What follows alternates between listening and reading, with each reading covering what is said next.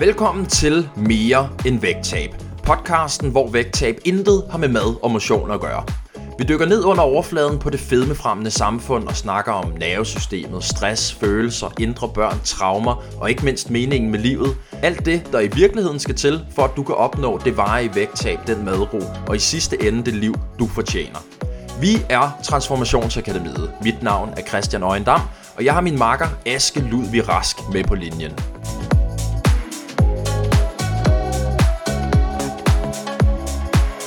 I denne episode dykker vi dybt ned i udfordringen omkring at spise på følelser, fordi adfærd er som tidligere sagt ikke logisk styret. Vi kan vide alt om vægttab og stadig gøre noget helt andet.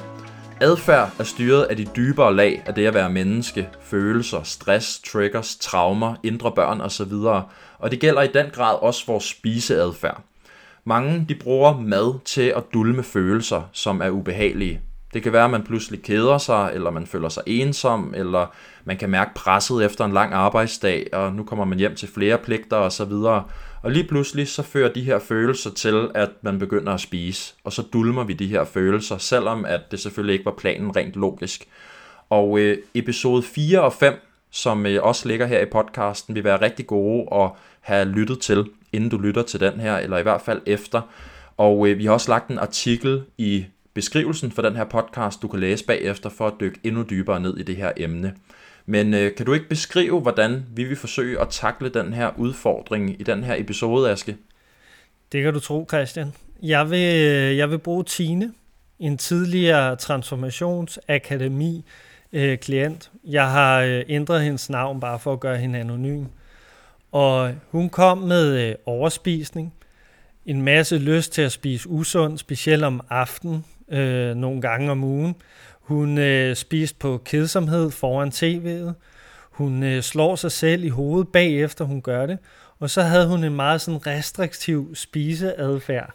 Og det vil sige, at hun, øh, hun, kunne, øh, hun kunne spise øh, 1000 kalorier om dagen i perioder, og så lige pludselig så tog det over, og så begyndte hun at hoppe helt over i den anden grøft, hvor hun overspiste helt vildt. Hun havde blandt andet været sygemeldt med stress, og som mange af de her udfordringer, så, øh, så ligger det jo helt tilbage til barndommen i forhold til, hvordan, vi, øh, hvordan det styrer vores adfærd. Og en af de øvelser, vi laver i starten for at belyse den her del af os, fordi det er jo nogle ting, der ligger dybt, øhm, så er det rigtig vigtigt at vide, hvad er det egentlig, der sker inde i, i vores hoved? Hvordan er det, vi tænker om os selv? Hvad er det for nogle historier, vi taler, øh, vi fortæller om os selv? Fordi de er meget forbundet med de her følelser, vi kommer til at tale om i dag. Så vi laver sådan en øvelse, der handler om at beskrive, hvad der er i vores rygsæk. Så det øh, Tine beskrev om sin rygsæk i forhold til, hvordan hun tænker om sig selv, hvad er det, hun har bragt med til den dag, hvor hun så står øh, med os. Og det, det, øh, jeg, jeg vil lige læse op her, hvad hun har skrevet, øh, dengang hun, øh, hun lavede øvelsen. Og det var blandt andet, at hun fortæller sig selv, at jeg var ikke, jeg er ikke elsket som barn. Øh, min mor elskede min øh, lillebror mere. Jeg tissede i seng, bukserne som barn. Jeg er tyk. Øh, jeg kan ikke engang selv holde vægten. Jeg spiser på følelser. Jeg lyver for mig selv. Jeg får det bedre af at spise slik. Jeg er for slap. Og en masse andre ting beskrev Tine omkring, hvordan hun taler til sig selv. Og det er jo sådan nogle ting, som ligger langt tilbage fra barndom, og det er sådan nogle ting, der får lov at styre hendes følelser den dag i dag. Eller den dag, da hun kom ind i, i TA. Og det er jo så det, som, som vi så har lært, at, øh, at, at vi prøver at gå ind i og arbejde med i forhold til øh, det her med, hvordan vi kan stoppe med at spise på de her følelser. Og kan du prøve at dykke lidt dybere ned i, hvordan og kan du prøve at dykke lidt dybere ned i, hvorfor at alle de følelser, som vi har fået med i rygsækken igennem vores liv, stadig er med til at styre vores adfærd, når vi nu er, er voksne, og vi er logiske, og vi er et helt andet sted. Mm. Og for at forstå det, så er det rigtig vigtigt at forstå, hvordan barnet vokser op og udvikler sine følelser i første omgang. Så det, der sker, det er jo, at et barn fødes ind i den her verden, og nu skal det lære at vokse op. Det skal blive, øh, det skal blive et rigtigt menneske. Det skal lære at blive et menneske i bund og grund. Og der vil være en masse ubehag, når det her barn vokser op. Der vil være øh, dårlige følelser, og det er det, barnet skal lære at dele med helt grundlæggende. Så når barnet skal det, og der er noget, der føles ubehageligt, lad os sige, at, øh, at jeg løber ind i en væg som barn, så græder barnet. Og den følelse, der er i det, kan som barn virke enormt øh, ekstrem. Fordi barnet er kun i nuet. Barnet er lige nu og her, og det her det føles bare forfærdeligt. Og så græder barnet. Og det der så sker, det er jo, at barnet skal jo lære, at det her det var ikke jordens undergang. Jeg løb ind i muren, men det skal nok gå. Det gjorde lidt ondt, og jeg kommer nok videre. Og det er en af de grundlæggende udfordringer, vi har som menneske, det er, at vi kan have det her et, et ubehag, vi kan have en dårlig følelse, men vores system skal forstå, at det er okay. Ligesom når barnet se, øh, senere, og det bliver ældre, og gerne vil have slik for eksempel. Det er okay, at du ikke fik slik. Det var ikke jordens undergang. Men sådan føles det for et barn, der vokser op, som skal lære sine følelser at kende. Så når barnet gør det, der er et ubehag, så har vi en forældrerolle på den anden side. Og forældren kan gå ind i den her udfordring på flere forskellige måder. Og en af de typiske, som er, øh, hvad kan man sige, det er fundamentet til, når det er, vi er, øh, hvad kan man sige, hvis vi spiser på følelser, hvis vi er styret af vores følelser, så kan det være fordi, at vi har haft en forælder, som har prøvet at tage følelserne fra os som lille barn. Så det, der sker, når barnet løber ind i muren, eller oplever noget ubehageligt, det er jo, at der kan være sådan en indre lyst fra forældren til at fjerne det her ubehag for barnet. Mit barn har det dårligt, jeg vil gerne have, det har det mindre dårligt. Så i den væren med barnet, i den trøsten med barnet, så prøver forældrene at få det til at stoppe med at græde, få det til at stoppe med at have det skidt. Og det var meget af det, der er sket i hele Tines opvækst for eksempel. Det er, at hendes følelser var i bund og grund forkerte. Hun blev, øh, hun blev stoppet i forhold til, hvis hun havde det dårligt eller trist, så hun faktisk fået mad op igennem sin opvækst til at dulme på de her følelser oven i hatten. Men helt for grundlæggende, så det der med at være ked af det og sådan nogle ting, det var ikke en del af den måde, Tine øh, vokset op på. Så hun har aldrig lært, lært at være med den følelse. Så det, der sker senere, det er, at nu bliver Tine fanget af følelsen. Hun er i følelsen. Og det er det, der sker, når vi sp- senere spiser på følelser. Det er, at vi bliver fanget af en følelse, vi ikke er gået igennem. Så hvis man skal gå tilbage til barnet i forhold til, når man, hvordan udvikler vi så følelser, sådan, så de ikke senere styrer vores adfærd på den måde, sådan, så vi ikke bliver fanget af de her følelser, jamen det er, når vi lærer at gå igennem dem. Så den anden måde, man kan være forældre på for sit barn, det er, at et barn har det dårligt. Der er et ubehag, de har gjort et eller andet, der gjorde ondt. Så det, der sker inde i mig som forældre, det er, jamen, jeg vil gerne hjælpe mit barn til at lære at gå igennem hårde følelser i livet. Hvordan, hvordan laver jeg fundamentet for det? Hvordan skaber jeg sikkerhed for barnet, sådan så når der er noget, der gør ondt, når der er et ubehag, så forstår barnet stadig, at det er i sikkerhed, at det er okay, og kan komme videre. Og det er ikke forkert, at der er noget, der gør ondt. Det er ikke forkert at være den, man er som lille barn. Og i den styrke i form af, at som forældren giver, hvor den giver øh, hvad kan man sige, øh, fundamentet, øh, rammerne til, at barnet kan opleve ubehag på en god måde, så begynder barnet lige pludselig at kunne gå igennem følelsen. Og det er det, som når barnet så får lov at gå igennem følelserne, så lad os sige det, og at det ikke må få slik. Det spørger om slik, og så siger forældren, nej, det må du ikke hvad er det så, der sker? Jamen, på et tidspunkt, hvis barnet går igennem den følelse nok gange, så vil det begynde at, at forstå, at det her, det er ikke jordens undergang. Og lige pludselig, så reagerer følelserne ikke så voldsomt længere. Og det er det, der skal ske op igennem et langt liv, det er, at vi skal være med følelsen mere og mere. Og hver gang vi er med følelsen, så lige pludselig begynder følelserne at ændre sig.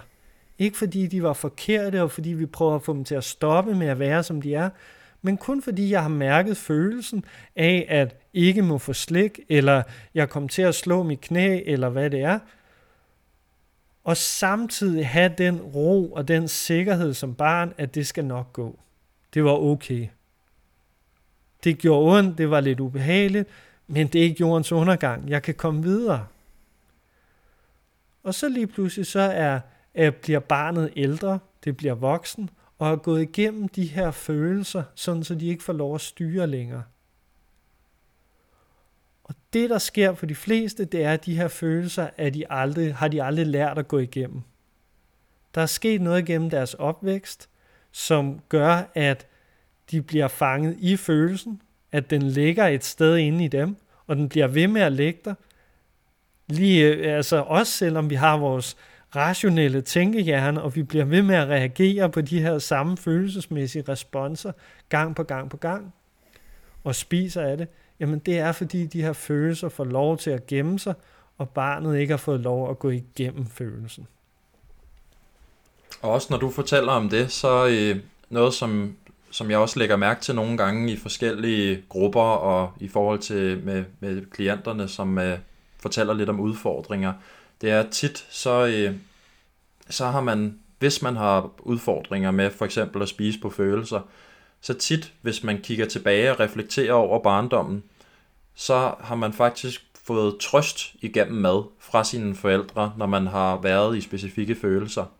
Og når man har lært som barn, at jeg skal ikke være ked af det, jeg kan bare få noget mad for at trøste mig, eller få noget slik, så er det jo lige pludselig noget, man tager med videre ud i livet, også som voksen. Så lige pludselig, når man føler, at man er ked af det, eller hvis det er lidt synd for en på en eller anden måde, så kommer den her gamle respons i forhold til, at vejen til at få det godt igen, og komme væk fra den her følelse af mad.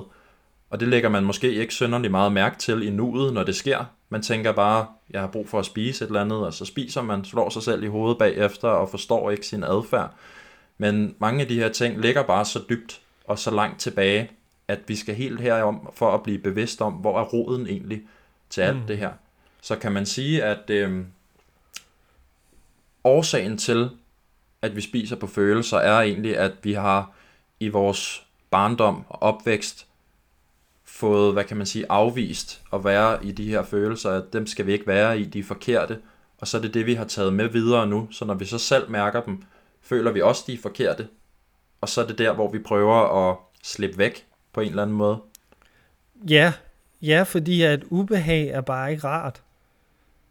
Så, så, så hvis vi har lært de her strategier for, hvordan vi kan få det slukket hurtigt, og det er jo også derfor, når man, når man kigger på den her forældrerolle, men forældrene, der gerne vil fjerne smerten fra sit barn, det kan man jo godt forstå. Man kan godt forstå, at vi vil have det godt.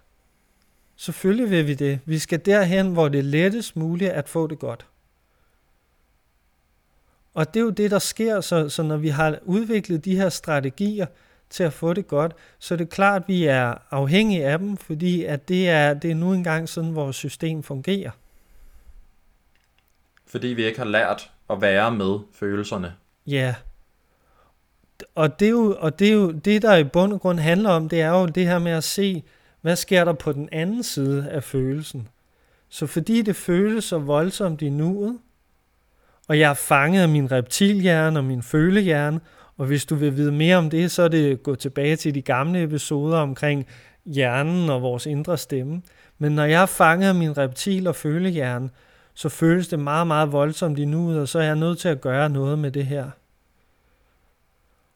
Og det jeg i bund og grund skal, øh, skal, hvad kan man sige, skal fokusere på, det er, hvad sker der på den anden side af følelsen? Hvordan gør jeg det okay at være i følelsen? Og når jeg så er okay med at være i følelsen, så begynder den at ændre sig med tiden. Så begynder jeg at gå igennem følelsen. Så det er det, der mangler. Og så, så har vi bygget de her strategier, som er, er, er så forståelige. Problemet er bare, at vi har en, en, en voksen tænkehjerne, der sådan kan nedgøre den her adfærd. Fordi vi synes, det, det er åndssvagt, jeg spiser på den her måde, jeg gør. Og det er set ud fra et rationelt synspunkt, hvor at, at vi, er, vi, er, vi ikke er børn, vi er, vi er voksne mennesker, som vi burde være rationelle individer. Og så kan vi dømme os selv, vi kan dømme den her adfærd, som på ingen måde er rationel. Og man kan sige, i Tines rygsækøvelse, som du læste nogle ting op fra før, der mm. stod jo også ting som, at jeg er selv skyld i, at jeg er ked af det. Jeg er selv skyld i, at jeg tager på. Jeg er en taber. Altså sådan nogle hårde ting, hvor at det er sådan en hård selvbearbejdelse. Også i forhold til de følelser, der er. At det er, sådan, det er forkert, og det er min egen skyld, og det er en kamp, og så videre. Og så når man til sidst ikke kan være i det mere, så er det jo her, at vi søger de her gamle strategier, som vi har til at undslippe det her ubehag. Så man kan sige, ligesom vi også har talt om i tidligere episoder, så er fundamentet for alt det her jo at begynde at tilvælge ubehaget, tilvælge følelserne. Og jeg ved ikke, Aske, hvis vi sådan skal gå tilbage til, hvad vi gjorde i forhold til Tina. Nu havde vi den her bevidsthed i forhold til, hvad er der i rygsækken? Hvad skete der så herfra? Jamen det, det, vi, øh, det vi gik igennem, det var jo bund og grund hele sådan vores NSP-træningstilgang øh, i form af at, at lære at stoppe op og erkende, når man har en følelse. Og det at, at stoppe at være med en følelse, være ked af det, når man er ked af det, det er, øh, hvad kan man sige, kan være ret svært. Og det, det er jo det, som, som, som for mange er den første udfordring. Hvad sker der, når følelsen popper op på en eller anden måde? Og når vi først starter med bare at erkende, at den er der, fordi vi forstår, at udfordringen er jo, at det lille barn skal vokse op. Man kan også beskrive det som det indre barn. Og det indre barn, jamen det er netop de her, hvad kan man sige, følelser, der ikke er blevet gået igennem, hvis man skal beskrive det sådan kort. Og Tine, hun beskrev rigtig meget det her robrødsmonster for eksempel. Og et robrødsmonster for hende, jamen det er jo bund og grund det indre barn, der bare skriger efter robrød. Så hun kunne gå helt amok og spise et helt robrød, når de her følelser var meget, meget slemme. Så hendes opgave var først at definere den her udfordring i form af robotsmonster. Hvornår popper det robotsmonster op? Hvornår er det, jeg siger de her ting til mig selv? Kan jeg også øh, komme med ind over, hvornår nedgør jeg mig selv? Hvad er det for nogle ting, jeg siger til mig selv? Det er derfor, de laver den her øvelse fra starten i form af at definere sin rygsæk. Det er for at få den der bevidsthed omkring, at det her det er nogle ting, der sker. Så når man har den bevidsthed, så i stedet for at lukke øjnene for den, i stedet for at løbe væk fra den, og den bare får lov at styre, så kan jeg lige pludselig stoppe op og observere den. Og det kunne jeg gøre for eksempel ved at skrive ned, som vi laver den her rygsæksøvelse, hvor jeg beskriver alt, hvad min indre stemme, hvad er det for nogle tanker, jeg har om mig selv, hvad er det for en historie, jeg fortæller om mig selv. Det er en rigtig god start til at, at begynde at få bevidsthed omkring, at der er de her følelser, og de er okay. Så når vi begynder at udvikle den her bevidsthed omkring vores følelser og reflektere og kigge tilbage og sådan kigge ned i, hvad er det egentlig, vi fortæller os selv, selvom det nok ikke er noget, vi er så bevidste om hele tiden. Hvad gør vi så herfra for sådan at, at fortsætte den her udvikling? Og det, det, er, det er et rigtig godt spørgsmål, fordi at vi havde en, øh, en klient, Maj, som, øh, som lige pludselig fik rigtig mange følelser. Så det, der skete for hende, det var jo, at, at i stedet for, at hun fik lukket det ned, hun var rigtig god til at lukke sine følelser ned, og når der var noget, der var ubehageligt, så kunne hun dulme det på alle mulige forskellige måder, ikke kun med mad. Så lige pludselig i den her proces begyndte der for hende at komme rigtig mange følelser op. Og der begynder hun at blive træt af alle de her følelser, og hun nedgør sig selv, og hun synes, det her med at føle er noget værre noget, og, og det er faktisk sådan en, et tegn på, på, på svaghed.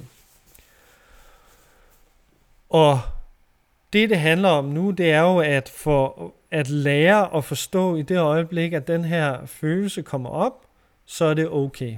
Så når hendes indre stemme gør følelser til svaghed, hvad er det så, der skal ske i stedet for? Hvordan vurderer vi de her følelser på en ny måde?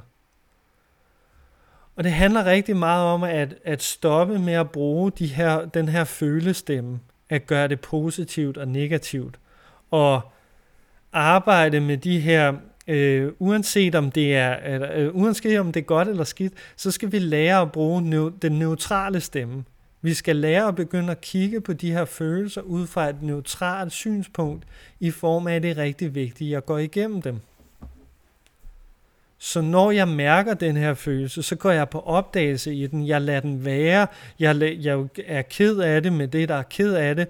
Og, og det er okay. Så hvad sker der imens jeg har følelsen? Kan jeg fortælle mig selv, det er okay, jeg skal lære at gå igennem følelsen. Hvordan føles det her egentlig? Hvad er det, der sker i min krop? Og på den måde gå på opdagelse. Det er meget sådan opdagende sind i form af os selv, i form af, hvad er det, der sker inde i os. Så når vi kan det, så kan vi begynde at arbejde neutralt med de her følelser, sådan så de får lov at være. Og så begynder de langsomt at fordampe en efter en, og man kan bruge sådan forskellige man kan sige, måder. Hun, gør, hun bruger kropsterapi for eksempel, som er en måde at komme i kontakt med følelser på. Og når man så kommer i kontakt med dem her, så handler det rigtig meget om, hvordan kan jeg være med det, hvad er det, min neutrale stemme skal hjælpe mig med. Og det er for eksempel at lære at trække vejret imens, at lære, at, at, at hvad er det, jeg skal fortælle mig selv, det her det er godt, det her det er en del af min udvikling, det er en del af min, min øh, indre barn, der er ved at vokse op nu. Så jeg bliver i bund og grund, jeg skal blive mor for mit indre barn. Jeg skal skabe et, et sikkert rum, hvor det er okay at have de her følelser. Og jo før jeg får gjort det, og det er ofte det, der sker, som, som er udfordringen med kurer, det er, at man kan gå på de her hurtige kurer, der ændrer ens kost og ens øh, motion, men de her følelser bliver der stadigvæk, lige indtil man er gået igennem dem. Så jo før man gør det her, jo før man har skabt det her sikre rum, det er okay at have mine følelser, og bruge den neutrale stemme til det, så begynder øh, de her, så begynder det at ændre sig med tiden. Så begynder lige pludselig, så reagerer jeg ikke så voldsomt, når jeg bliver triggeret af forskellige ting. Fordi jeg lige pludselig, det, det indre barn har lært, at det er, det er ikke jordens undergang at få slik. Så man kan måske sige, at første step, hvis vi skal begynde at, at, at finde en, en lille sløjfe, binde en sløjfe her til sidst, mm. vil være først og fremmest at blive bevidst omkring følelserne.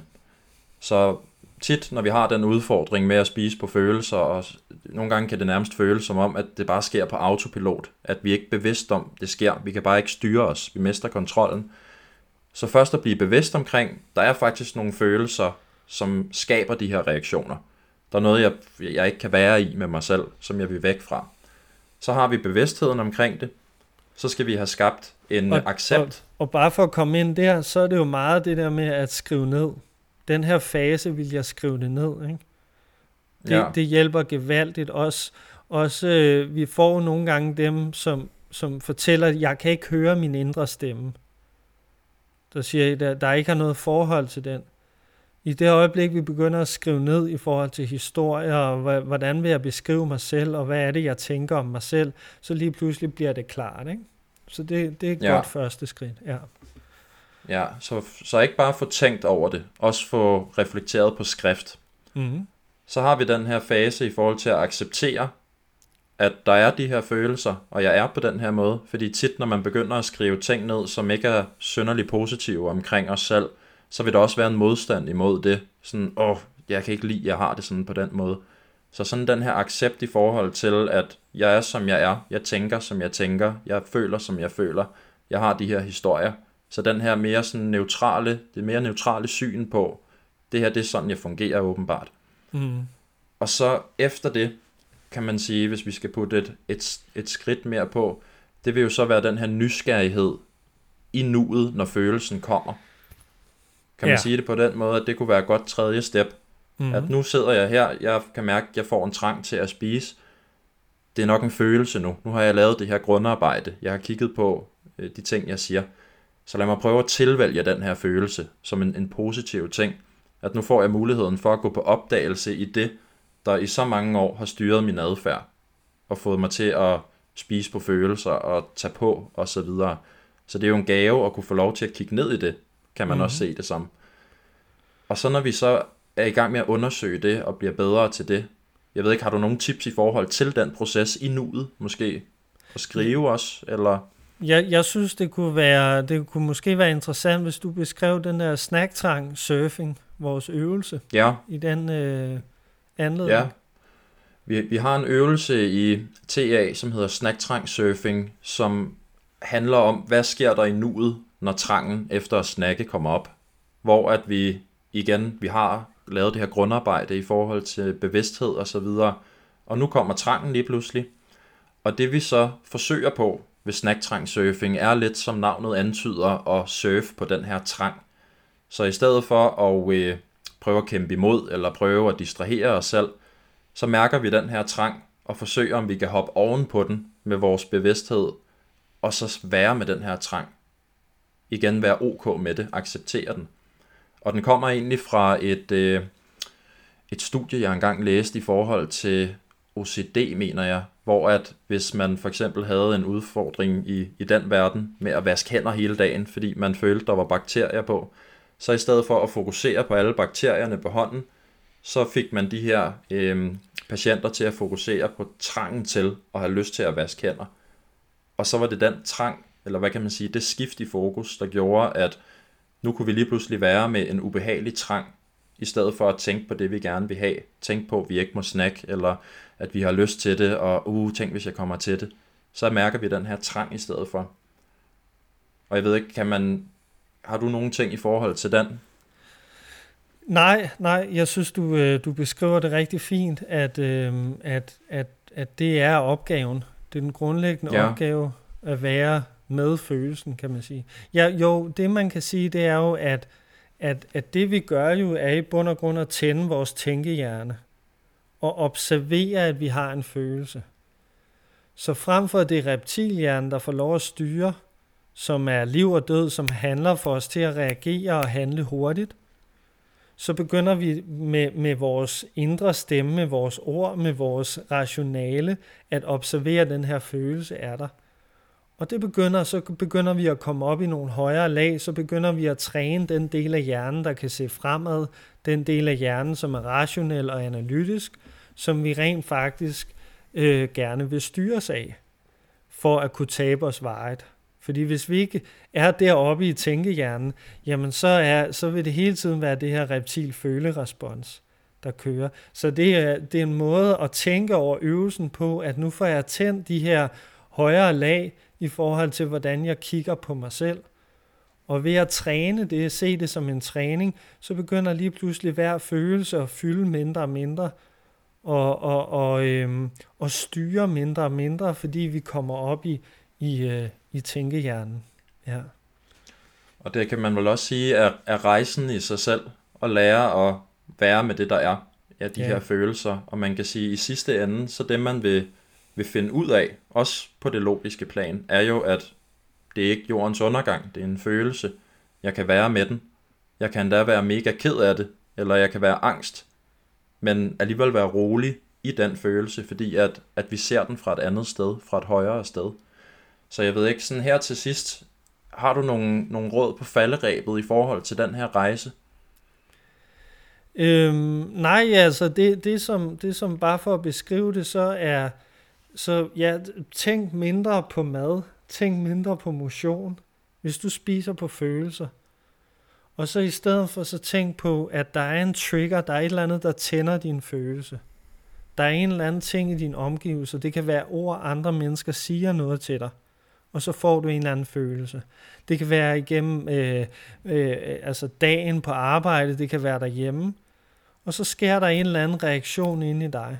Og hver gang du har fanget det, hver gang du har fanget, Gud ja, det der trigger faktisk min følelse af ked af. Lige præcis de ord der, lige præcis når der bliver sagt det, eller gjort det, så begynder du at kunne gå en følelse igennem ad gangen. Og lige pludselig så begynder den der trang til at spise at forsvinde af sig selv. Ikke fordi du, du har fokuseret voldsomt meget på maden, men fordi du faktisk er gået ind i selve fundamentet til, øh, hvorfor du spiser. Så det er, det er den måde, vi tænker på det på, øhm, i forhold til at, øh, at, at, at stoppe med at spise på følelser. Ja, og det synes jeg faktisk, det, det var en, en kraftfuld pointe her til sidst. Fokuser mindre på mad og motion og kalorier og planer og alle de her sådan traditionelle vægttabsting. Og så brug det her nyfundne fokus til at, at kigge indad og mærke, hvad er det for nogle følelser, som egentlig får mig til at have de udfordringer med mad og vægttab, som jeg har. Så kommer vi ikke dybere ind til kernen end det. Nej, og, Men, og øh, det jeg tænker, det er jo, jeg, jeg vil gerne gøre reklame for vores næste episode med det samme, i forhold til selvtillid og selvværd. Fordi der kommer vi også til at gå lidt ind i, i uh, de her forklaringer, som vi har i dag omkring barnet, men også hvordan vi bruger de her forskellige sådan, strategier til at øge vores selvværd, som ofte er det, der mangler for mange i den her forbindelse. Når de taler om det her med, at jeg spiser på følelser, så, så mangler der også selvværd, og nogen siger så selvtillid, og hvad er forskellen på de to? Vi har talt lidt om det før, men det er det, vi kommer ind i næste gang i forhold til, hvordan du, du, øh, du arbejder med, med de to begreber på en meget sådan konstruktiv og direkte måde. Øh, ja. Så sørg for at få set eller lyttet til næste afsnit mm. her i podcasten. Det vil, øh, det vil give rigtig god mening, når du har været det her igennem. Men ellers så håber jeg bare, at øh, du kunne tage nogle af de her råd med dig. Virkelig synk ned i dig selv i forhold til, at det handler ikke om kost og motion, men om at være med de ting, som giver mig de udfordringer, jeg har. Så øh, tusind tak, fordi du lyttede med, og vi ses i næste episode af Mere end Vægttab.